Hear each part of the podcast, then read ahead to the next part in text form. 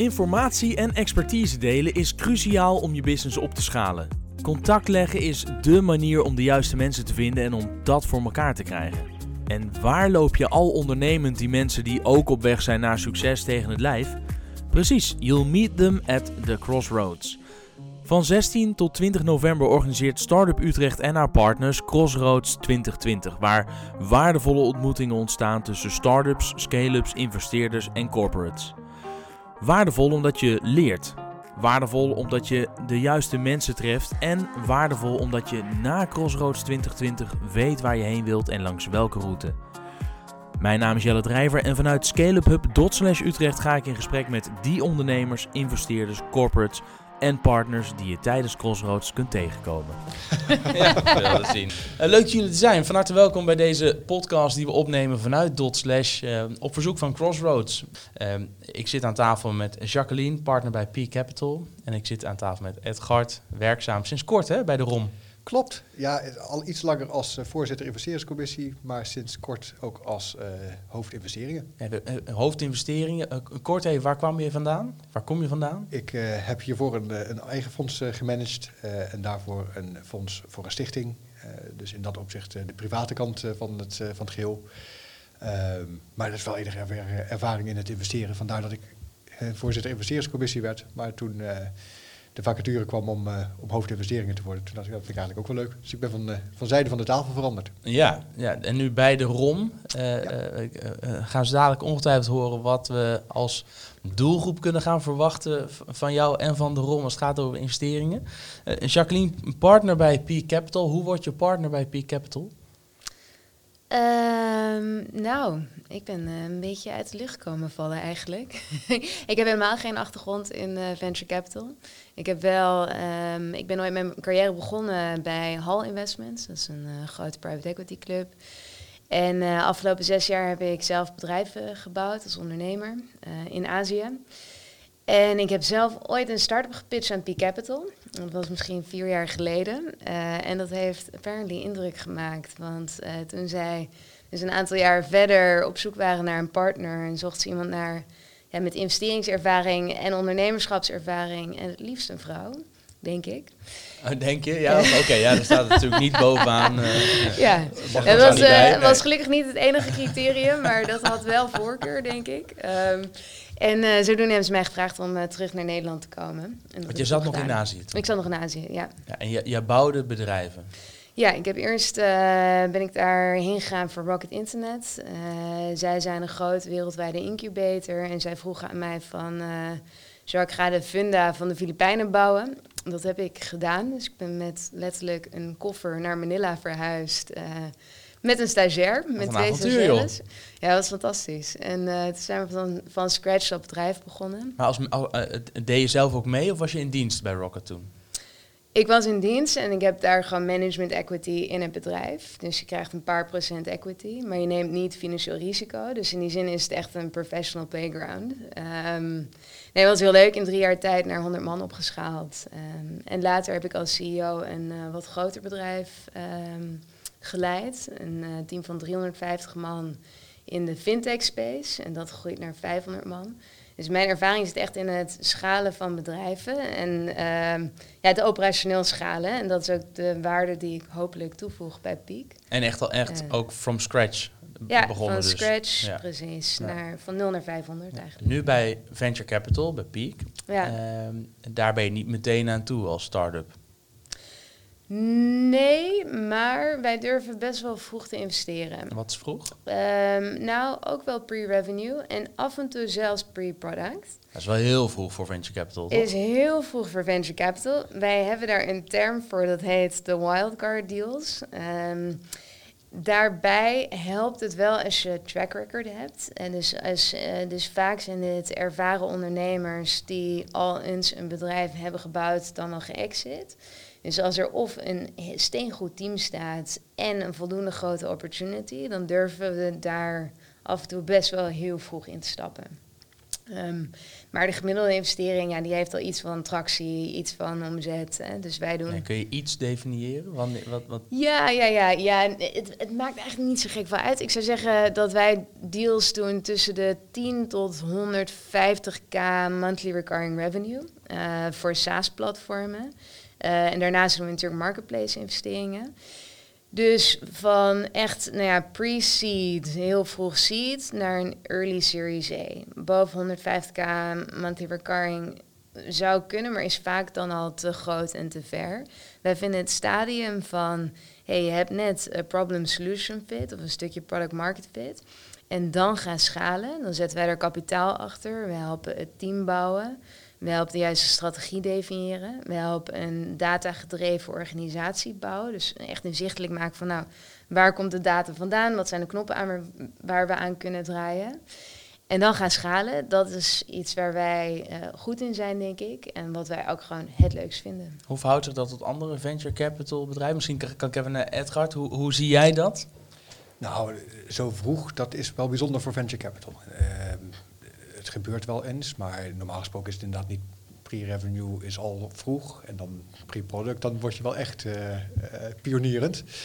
Uh, dat zijn natuurlijk wel dingen waar ROMS op zich, uh, zich op... Die zitten wat meer in die, in die fase daarvoor. Hè? Jullie hebben nu al twee fondsen gedefinieerd. POC-fonds, Proof of Concept, ja. en die andere? Het Participatiefonds. We zijn niet heel creatief geweest met de naamgeving, moet ik bekennen.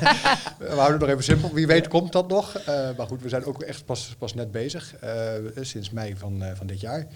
Uh, dus twee fondsen gedefinieerd, uh, maar we hebben ons met name heel erg druk gemaakt met uh, corona-overbruggingsleningen. Ja, daar zijn je, Dus we hebben in principe nu drie verschillende activiteiten onder, onder beheer.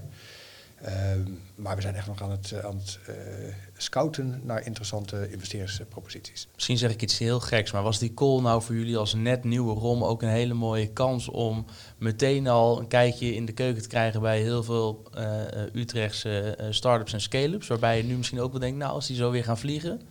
Zeker, er zitten een aantal eh, partijen bij uh, die wij zeker interessant vinden om ook inderdaad in een van de fondsen uh, later op te kunnen nemen. Dus en moeten zij zelf initiatief nemen of, of kan het ook maar zo zijn dat de ROM dan zelf ook aan de bel gaat trekken en zeggen, joh, we hebben toen een keer gepraat? Nee, dat is, dat is zeker wederzijds. Het zou een beetje raar zijn als wij alleen maar achteroverleunen. dat is in ieder geval niet mijn ambitie met, met het team te gaan doen. nee, dus dat kan echt van twee kanten komen. Ehm, we zien natuurlijk dat er heel veel corona-overbruggingsleningen zijn geweest voor evenementenbranche en dat soort zaken. Ja, dat, is ook niet, eh, niet, in onze strategische uh, doelstellingen. Maar de, Wat zijn wel die strategische doelstellingen? Dat is digital, dus daar sluiten wij met Peak heel goed op aan. health, dat is hier in, rond ook het UMCU is dat een, mm. een grote tak. Uh, digital trouwens ook rond het Mediapark Hilversum. Want wij zijn niet alleen Utrecht, we zijn ook het Gooi. Het is region, hè? Ja, region. Um, en dan hebben we nog sustainability.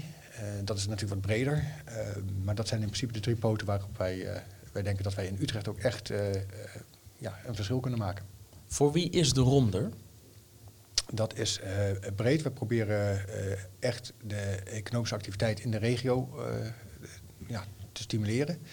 we hebben ook een aantal verschillende takken. We doen ook internationalisatie, internationale bedrijven naar Utrecht halen.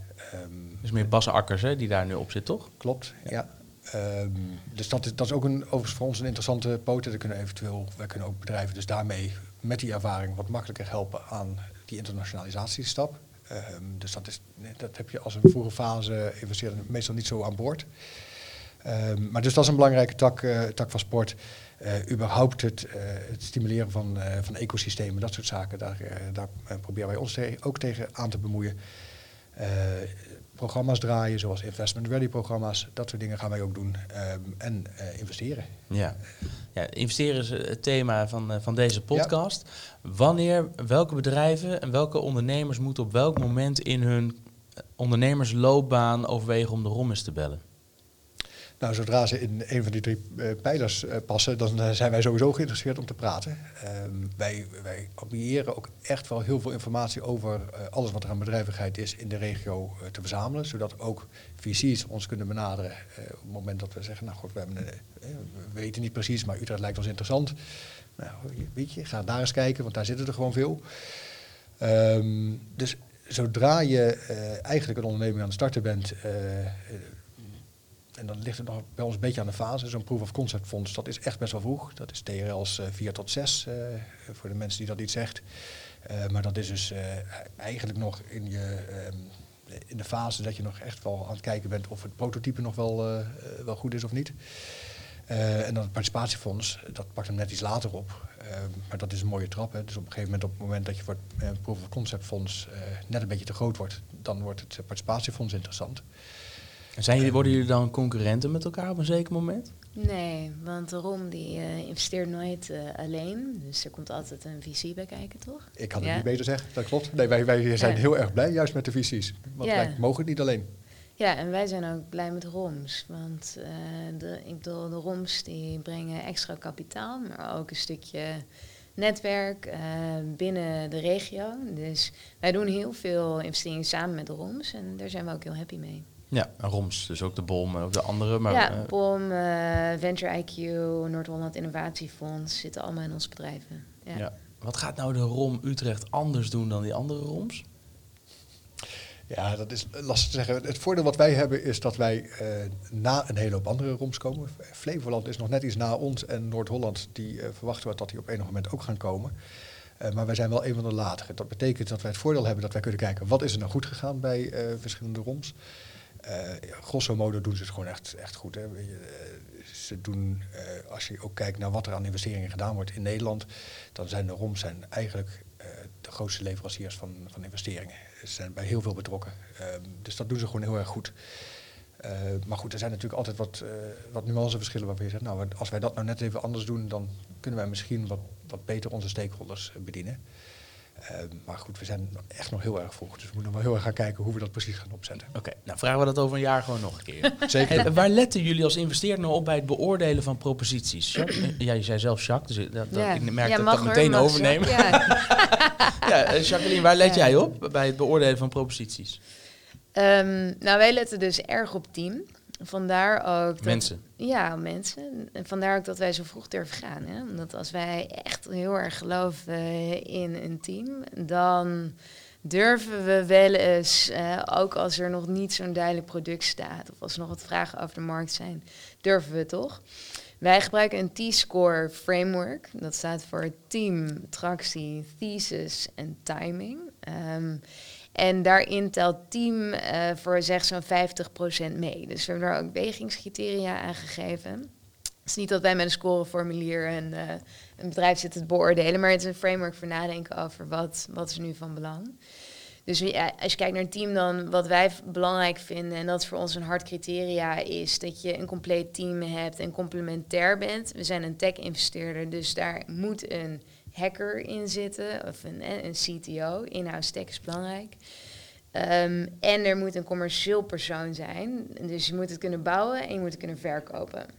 Nou, ondernemerschapservaring is een grote bonus, is een grote pre. En heb je al veel fouten gemaakt die je hopelijk niet nog een keer gaat maken. Um, ja, als je kijkt naar, naar thesis, dan kijken wij van hé, hey, wat, wat doe je eigenlijk? Welk probleem los je dan op? En hoe pijnlijk is dat probleem? Hoe waardevol is dat probleem? Hoeveel mensen hebben dat probleem? Hoe groot is die markt dan? Wie lost dat probleem nog meer op? Wie is je concurrentie? En wat doe je dan anders? En wat is jouw defensibility daarin? Um, dus daar kijken we naar. We kijken ook van hoe zet je iets in de markt? Wat is je go-to-market? Dus uh, wat voor prijsstelling heb je? En hoe verkoop je je product? Als jij gaat proberen een product van zeg uh, 500 euro monthly recurring revenue te verkopen aan bedrijven, maar je hebt een sales cycle van zes maanden, dan uh, kan dat niet uit. Nou, dat soort overwegingen. En daarnaast kijken we naar je tractie. En dat kan zijn hoe gaat het financieel. Maar we kunnen ook bijvoorbeeld kijken van hey, hoe gebruikt men jouw product?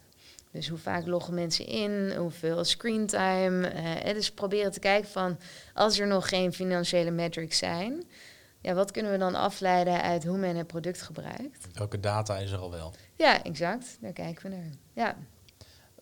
Als Peak eenmaal aan boord komt en, uh, en, en, geld op tafel legt, wat voor participaties heb je het dan over? Wat, als ondernemer ben ik dan benieuwd, hoeveel moet ik afstaan? En hoe bepaal je dat? Is dat altijd... Is, is daar een, een regel voor of is dat echt om de tafel en kaart onderhandelen? Hoe gaat dat? Ja, ik zou zeggen dat uh, VC valuations is more art than science. Um, het is ook maar net uh, wat je ervoor. Ja, wat de gek ervoor geeft? Gaat het bij VC ook gewoon zo? Nou, kijk, je, je gebruikt wel... roughly gebruik je wel een aantal... Bij SaaS-bedrijven, wat we vaak doen, is een multiple van de MRR. Ja. Nee, we hebben dus een, ja, roughly een range van zeg eh 60 tot 150k MRR. Dus dat is een hele grote range. Als jij hakken over de sloot, het is wel een goed team, maar behoorlijk wat vraagtekens bij, eh, de, hè, bij bijvoorbeeld de market size. En de tractie is niet erg overtuigend, maar benefit of the doubt. Dan zou je misschien in de 60 keer MRR range zitten. Terwijl als jij hard groeiend bedrijf bent, gaat hartstikke goed. Een van onze Utrechtse bedrijven, Trengo, ja, gaat helemaal door het dak. Ja, dan, dan zit je veel hoger in die range. Dus maar uiteindelijk is het, ehm, is het niet een eh, soort van DCF-achtig waarderingsmodel. Eh, het is van hè, wat vinden we van het bedrijf, wat vinden we het waard. Nou, daar leggen wij vaak een termsheet op tafel eh, met een waardering daarin. Nou, dan kan dat een take it or leave it eh, waardering zijn of de waardering is negotiable. En daar hebben we dan vaak nog een discussie over met het bedrijf. Ja. Take it or leave it zelfs. Het voelt bijna als een soort shark, shark tank. Weet je? Dat is, zeg het maar graag of niet. Ja. Ja, Ja, ja. Maar ik, ik, ik wil wel altijd eh, ondernemers meegeven, en misschien is dat een heel erg geïnvesteerder ding om te zeggen, dat valuation is not everything. Ik denk dat zeker in die vroege fase gaat het veel meer over wat voor waarde ga je uit die visie halen. Hoeveel gaat die visie bijdragen aan jouw succes? En dus als jij op een wat lagere waardering je eerste ronde doet, maar dankzij het feit dat een visie aan boord is, veel harder gaat groeien, veel meer talent aan boord gaat halen, veel betere begeleiding hebt en een veel sterker vervolgfundingnetwerk, omdat een visie een goede reputatie heeft. Ja, dat is 100 miljoen keer meer waard dan hè, een, een, een paar ton meer of minder op de waardering. Dus ik moedig mensen en vooral eerst uh, first-time ondernemers wel aan om daar niet al te veel over te struikelen. Het is een stick in the sand. En waar je vooral voor uit wil kijken is dat je niet te veel verwatert in een hele vroege fase. Maar het is niet alles. Edgard, wat, wat is jouw ervaring? Waar moet je nou, als je nog niet zo lang bezig bent en je bent je start-up nog aan het eh, uitbouwen naar een scale-up, waar moet je in die vroege fase van je business rekening mee houden, mocht je ooit in de toekomst misschien met VC of met andere investeerders om de tafel willen? Wat zijn nou veelgemaakte fouten die je Nou, tegenkomt? Wat je veel ziet is dat eh, eh, mensen al relatief vroeg eh, ergens geld nodig hebben. dat spaarpotje misschien niet zelf hebben en dus bij een aantal informals aankomen. En dat ze, en dat gaf Jacqueline ook aan, dat ze al een relatief groot deel van hun bedrijf hebben weggegeven. En daarmee eigenlijk de transacties met een eh, formele investeerder, een VC of een ROM, eh, eigenlijk op slot zetten. Ehm, Want, wa- eh, leg even uit, waarom is dat zo? nou ja, als, in die vroege fase willen wij geen meerderheid hebben van het bedrijf als investeerders. Dus je wil dat de mensen die daadwerkelijk het werk moeten doen, de voet op de grond, dat die, eh, de voet in de klei of de hand in de klei, weet ik het, eh, die kant op, in ieder geval dat die nog steeds de meerderheid hebben. En dat zij dus ook eh, het grootste deel van de eh, pot of gold nog steeds daar staat eh, voor hun. Op het moment dat daar al een heel groot deel weggegeven is aan eh, informals, en ik, ik heb ze ook meegemaakt dat er al meerderheden weggegeven waren, ja, dan maak je zo'n transactie gewoon heel erg ingewikkeld. Eh, en dan worden, wordt dus de eerste stap terug naar je andere investeerders om te gaan eh, heronderhandelen. Zorgen dat zij verwateren. Ja, en dat is natuurlijk. eh, die- mensen hebben met een bepaald beeld hebben ze een belang genomen. Die hopen daar een fantastisch rendement op te maken. Ja, dan kom je als ondernemer terug bij die mensen om te zeggen van ja, als we nou die, eh, die kans groter willen maken, dan moet je toch iets verwateren. Ja, dat is natuurlijk een heel moeilijk verhaal. Dus dat is iets wat we, eh, wat we veel zien. Ehm, overigens even terugkomend op wat is, eh, wat is belangrijk voor investeren, is bij ons ook met stip op nummer één is het team. Uiteindelijk het is het team die het maakt. Die moet het ook daadwerkelijk groot kunnen maken. En dat hoeft bij ons dan niet meteen dat het team al helemaal fantastisch in elkaar zit. Maar we moeten wel zicht hebben op welke competenties missen er wel en niet. eh, zodat wij die potentieel kunnen gaan aanvullen. Eh, of in ieder geval gaan helpen met het aanvullen van dat team. Eh, maar eh, zonder een goed team, ja, dan, dan wordt het gewoon heel erg lastig. Ehm, zie ik daar heel veel problemen in? Nee, de meeste ondernemers die staan wel open voor, eh, voor aanvulling. Of die hebben zelf wel door dat een aantal competenties misschien niet aan boord is. Een van de andere dingen die wij heel veel zien is eh, dat IP met name op het moment dat je het over digital hebt, niet in-house gemaakt wordt kan je twee kanten op redeneren. Kun je zeggen, nou god, het is fijn dat een, een, externe partij dat voor ons maakt. Want die externe partij heeft alle competenties die wij op IT nodig hebben, hebben ze aan boord. En als wij er eentje inhuren, ja, dan moeten we nog maar afwachten of die al die competenties heeft of niet. Maar je hebt natuurlijk wel een bepaald risico. Dan sta je altijd op nummer één bij die externe partij. Uh, is het IP daadwerkelijk allemaal helemaal goed voor jou? Uh, dus dat soort zaken, dat zien we ook nog wel eens misgaan. Dus daar wil je wel echt goed rekening mee houden dat je dat, uh, dat, je dat goed onder controle hebt.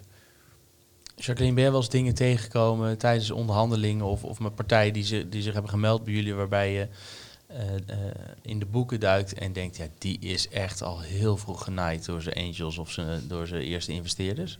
All the time. Ja? Welke voorbeelden kun je daarvan noemen? Help onze luisteraars en kijkers eens om te voorkomen dat het zo overkomt.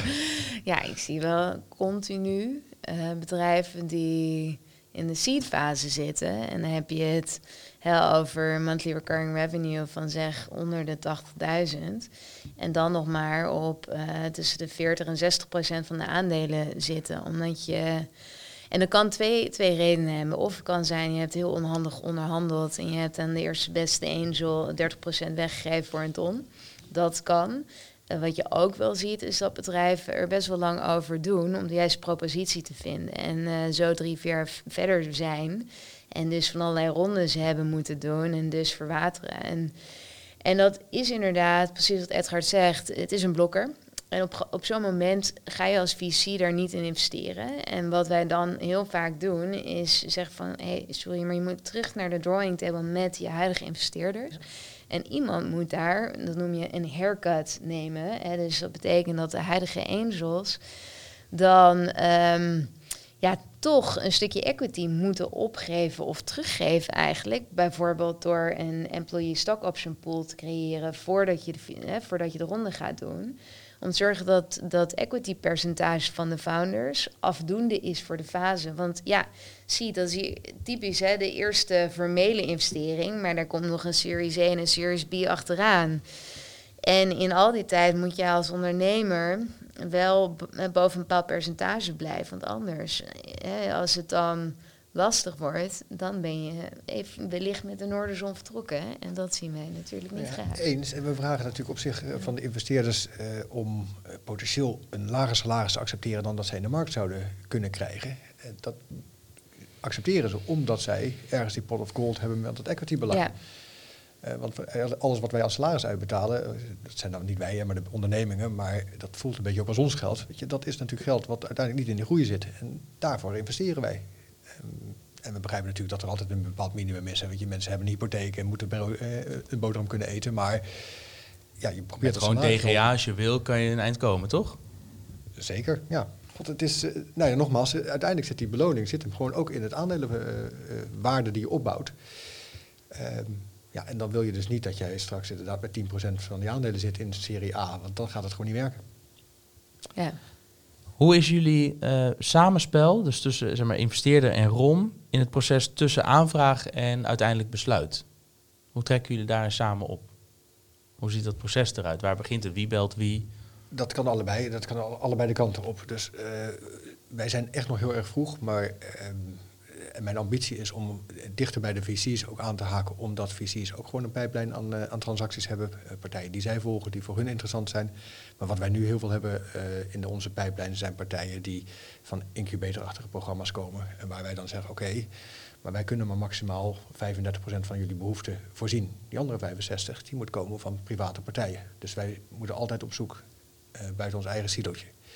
Op het moment dat het nu vanuit de VC's komt, dan vinden wij dat heel plezierig. Want dan weten wij dat wij een formele investeerder aan boord hebben die kennis van zaken heeft. Um, dat is natuurlijk altijd afwachten op het moment dat je, dat kunnen wij namelijk ook met informals de transactie doen. Um, het voordeel van met VC's is nog wat verder. Dat betekent ook dat je in je beheer, maar ook in je due diligence fase, uh, daar goede afspraken over kan maken. Over wie doet nu wat, uh, welke elementen vinden jullie belangrijk. Uh, een VC heeft natuurlijk wat vaker een transactie gezien dan een gemiddelde informal.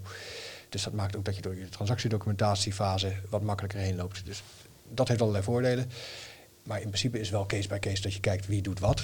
Uh, maar bij VC's zullen roms wat sneller zeggen, oké, we nemen wat meer die, die backseat en wij, we kijken hoe het gaat.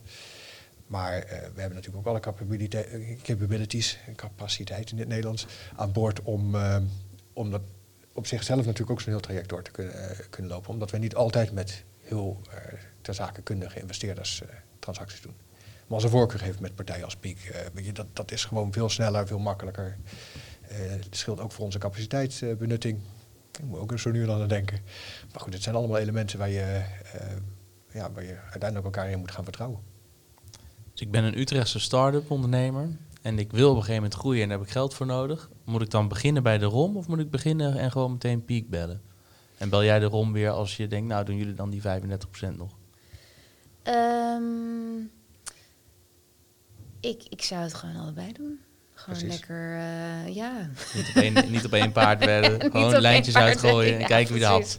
Ja, zou, zou ik wel doen, ja. Precies. Wat wij vaak zien in onze portefeuille is dat, uh, dat partijen met een aantal visies in gesprek zijn. Uh, nou, zo'n gesprekken duren ook gewoon lang. Hè, dus iedereen wil natuurlijk toch een, een goed gedegen proces doorlopen. risicoanalyses doen en dat soort zaken. Due diligence uitvoeren ja, je kan uiteindelijk best hebben dat op een relatief laat moment een visie nog zegt van nou, vond toch wel interessant, maar misschien niet op dit moment of later. Ja, dan is het wel plezierig als je niet al eh, volledig in een deadlock met een, met een consortium zit. Um, dus voor ons, we, we, kijken iets breder dan alleen financieel rendement natuurlijk als, als ROM. We willen ook wel echt gewoon die, uh, die ontwikkeling in de regio hier, hier stimuleren. dus wij zijn ook niet getrouwd met een bepaalde visie kunnen daar dan wat makkelijker in schakelen. Dus ik zou inderdaad ook zeggen, benaderen ze nou allebei. Uh, en logischerwijs doen wij ook een rondje op het moment dat er iets binnenkomt waarvan we denken, ja, maar dit past zo fantastisch bij Piek. Waarom? Nou, dan gaan wij ook Piek bellen met de vraag van, goh, hebben jullie zo gesproken? Nou, ik denk dat in 99% van de gevallen dat dan ook wel ja zal zijn. Uh, en dan hebben we natuurlijk ook wel uh, onderling feedback van, goh, uh, hoe keken jullie daar nou tegenaan? Uh, en welke punten zagen jullie, welke punten zien wij? is er een reden waarom jullie wel of niet interesse hebben? Nou, we nemen dat natuurlijk wel mee. Oké, dus- helder. Oké, eh, eh, laatste, nou ik heb nog twee vragen. De ene is, willen jullie allebei een absolute do en een absolute don't bedenken om mee te geven aan de start-ups, scale-ups in deze regio? Als je het hebt over funding ophalen en investeringen doen? Ja. ja, ja? Heb je er meteen alleen? Of ja, nou, vraag niet om NDA's. Dan oh heb je het gewoon niet begrepen. Nou, het is niet meteen klaar, maar je krijgt dan wel altijd een reactie. Je, je, je doet jezelf vrij bleu voor. Uh, het is de core business van een investeerder om investeringsproposities te bekijken. En als wij voor elke deal om NDA's gaan uh, lezen en tekenen, zijn we heel veel tijd bezig met juridische documentatie. Oké. Okay. je hebt een vertrouwensrelatie met een investeerder. Nou, ja, hopelijk kun je die investeerder ook gaan vertrouwen met jouw confidential information. Dus dat, uh, dat moet je niet doen. Oké. Jij nog een mooie don't? Ja, nou eigenlijk meer een, uh, een eerste doe zou ik zeggen. Uh, zorg dat je een gelijkwaardig speelveld gaat creëren, met name op het moment dat je net iets verder bent in de onderhandelingen. En dan bedoel ik op het moment dat je juridische documentatie ingaat, VC's, ROMs, wij doen niet anders. en voor de gemiddelde investeer, investee, hè, dus de gemiddelde onderneming, nou is het twee, drie keer. Als je een serial ondernemer bent, misschien net iets vaker. Maar de ervaringsverschil is daar groot. Dus zorg dat je daar eh, goed advies op inwint. En dat betekent niet bezuinigen op advocaten? Nee, precies. Zorg dat je gewoon goede mensen hebt die je kunnen bijstaan, die je kunnen adviseren. Uh, omdat je anders, uh, weet je, je hebt gewoon een unlevel playing field. Uh, mensen die veel meer ervaring hebben dan jij. En dat is, het kan je ook helpen met bepaalde, discussies die.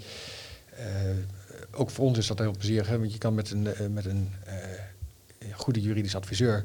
Kunnen wij ook zeggen waarom wij iets belangrijk vinden. En die kan dan aangeven of dat wel of niet in zijn of haar ogen gebruikelijk is aan die onderneming zodat die discussie ook wat makkelijker wordt. Dus dat zou ik echt wel heel erg aanraden. Op het moment dat je die, in die fase komt, bezuinig daar niet op. Ja, je moet ook niet miljoenen gaan spenderen aan, aan adviseurs. Voor je het weet heb je, heb je veel uitgegeven. Maar zorg dat je dat, je dat in ieder geval zo gelijkwaardig mogelijk trekt. Oké. Dus dat zou ik als een uh, grote doel zetten. Ja, en het niet doen is dan meteen, meteen ook een, een, een goede doon te pakken. Of heb je nog een andere? Ik heb nog wel een do. Ja? Play the long game. En wat ik daarmee bedoel is... Um, Een uh, de relatie met een investeerder bouw je op over de lange termijn. En het kan heel goed zo zijn dat je uh, binnenkomt in een hele vroege fase, kennis maakt en dat de investeerder dan zegt van nou interessant, maar nog niet. Hè. Uh, of je gewoon afwijst en zegt van hé, hey, we gaan niet in deze pre-seed uh, of in deze seed fase in mee investeren. En ik denk dat het heel belangrijk is om dat altijd goed op te vatten. Overigens spenderen wij heel veel energie en tijd en effort om goede feedback en constructieve feedback te geven. Maar als je dan of niks van je laat horen, of een boze e-mail, of heel teleurgesteld, denk je dat dat is onhandig. Want voor hetzelfde geld uh, ga je nu niet door met je financieringsronde en wil je over een paar maanden weer in gesprek? Uh, of uh, wil je dezelfde visie voor de volgende ronde beoordelen of benaderen? Als je dan kan laten zien dat je wat met die feedback hebt gedaan, dan scoor je juist punten. Ja, dus je wil altijd die relatie blijven onderhouden. En dat geldt natuurlijk ook voor visies. Als jij uh, mensen op onjuiste of oneigenlijke manier benadert, of mensen met een heel kort e-mailtje afschiet, ja, dan is het van, vanuit ondernemersperspectief is het ook einde verhaal. Dus het gaat over. En dan is het wereldje toch ook weer heel klein, denk ik. Het wereldje is heel klein. Dus ja, ik zou zeggen, play the long game. Hou er altijd rekening mee dat je elkaar nog eens tegen gaat komen. En er wellicht in de toekomst nog eens een kans is om met elkaar samen te werken. Jacqueline, Edward. Nou ja, ik gaf al aan, wij bellen ook gewoon de visies op. Dus op het moment dat daar inderdaad een reactie komt van ja, maar die reacties die waren zo raar. Nee, maar dat bedoel ik met het wereldje is dan klein. Dus uiteindelijk uh, werkt het je niet alleen bij die ene partij tegen, maar kan het je ook bij de volgende partij tegen. Ja, precies. Uh, je komt elkaar toch tegen en, uh, en je wisselt informatie uit. En natuurlijk niet op, op enorm, want dat ben ik helemaal met Jacqueline eens. Weet je, wij hebben ook gewoon als regel informatie die bij ons komt, die is confidential. als het echt moet, dan tekenen we een NDA natuurlijk wel, maar... Jullie wel? Dat, ja, we vinden dat niet je mag erop vertrouwen dat wij daar uh, zorgvuldig mee omgaan. Um, en ja, het zijn allemaal van die kleine dingetjes die een proces inderdaad ingewikkeld kunnen maken en het stroperig kunnen laten lijken, die uh, tegen de haren instrijkend kunnen voelen, um, waar je mee uit moet kijken. Dus als het niet nodig is, doe het gewoon niet. Weet je, houd het lekker simpel en uh, ja, wees je bewust, niet alleen in het, in het afwijzen dan wel het reageren op een afwijzing, maar je gaat gewoon een lange termijn relatie aan. Eh, een soort van verstandshuwelijk met zo'n investeerder. Want die investeerder die zit er ook voor een aantal jaar in jouw bedrijf. Ja, wees dan ook wel uh, bewust dat je, uh, nou ja, dat je dus ook één leert kennen wie zit er aan de andere kant van de tafel. Hè? Want dat is ook vaak nog wel eens waar een ongelijkheid is. Dat mensen zo gefocust zijn op het geld binnenharken dat ze eigenlijk niet zich realiseren wie zit nou aan die andere kant. En ik zou altijd het advies geven daarin. Dan heb je een tweede doel. Ik heb dus lekker geen don'ts. maar zorg dat je ook een stukje due diligence op die investeerder doet. Vraag die investeerder eens van, goh, uh, heb je ook een aantal investeerders met wie ik kan praten? Of heb je ook een partij bij wie het nou net niet lekker is gegaan? Uh, want eh, zolang het lekker gaat, zijn we allemaal heel erg vriendelijk. Maar als het nou niet zo goed gaat, ben je dan nog steeds zo vriendelijk? Hoe, hoe, wordt, hoe hard worden dan de duimschroeven aangedraaid? Nou, dat is wel heel plezierig om dat een beetje vooraf te weten. Jacqueline uh, instemmend knikken. Ja, helemaal waar. Ja, doe je reverse due diligence, zeker. Oké. Goed, ik wou het daarbij laten. Ik wil jullie ontzettend danken. Uh, Edgard van der Rom, Jacqueline, P Capital en ik ben Jelle van Dotslash. Dankjewel voor het luisteren naar deze podcast. En uh, kom vooral naar Crossroads 2020. En mocht je deze podcast nou na die week luisteren, dan is die volgens mij nog net zo waardevol. Dank jullie wel voor jullie medewerking. Graag gedaan. Dankjewel.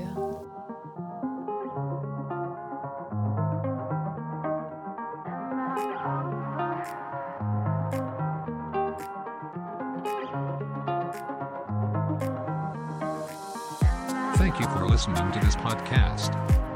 To avoid copyright claims, here are the music credits. Over you at https soundcloud.com music. Creative Commons Attribution 3.0 imported CC by 3.0. Free download stream, http, bit.ly over you. Music promoted by Audio Library https, uta.brlbuflkhsk.